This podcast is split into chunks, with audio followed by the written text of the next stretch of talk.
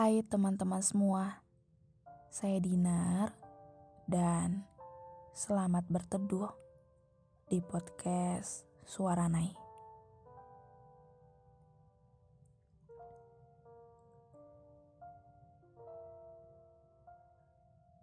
Hai, sudah lama tidak menemani teman-teman semua via suara.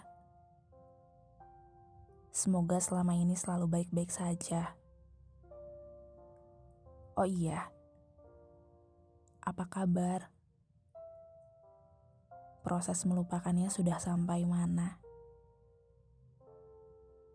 Septembernya, apakah baik-baik saja?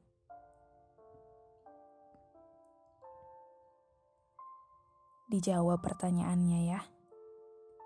Setidaknya, dengan menjawab pertanyaan tadi, kamu bisa jujur sama apa yang kamu rasain akhir-akhir ini.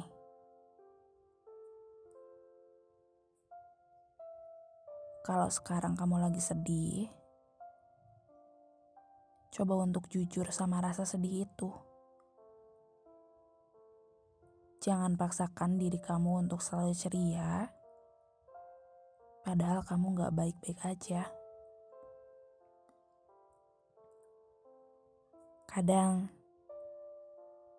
kamu hanya perlu nangis untuk merasa lega. Walau pada kenyataannya, masalahnya belum selesai. Tapi ketika kamu nangis, setidaknya sesak di dada sedikit terobati rasanya. Kalau belum bisa cerita sama siapa-siapa, coba untuk ngobrol sama diri sendiri.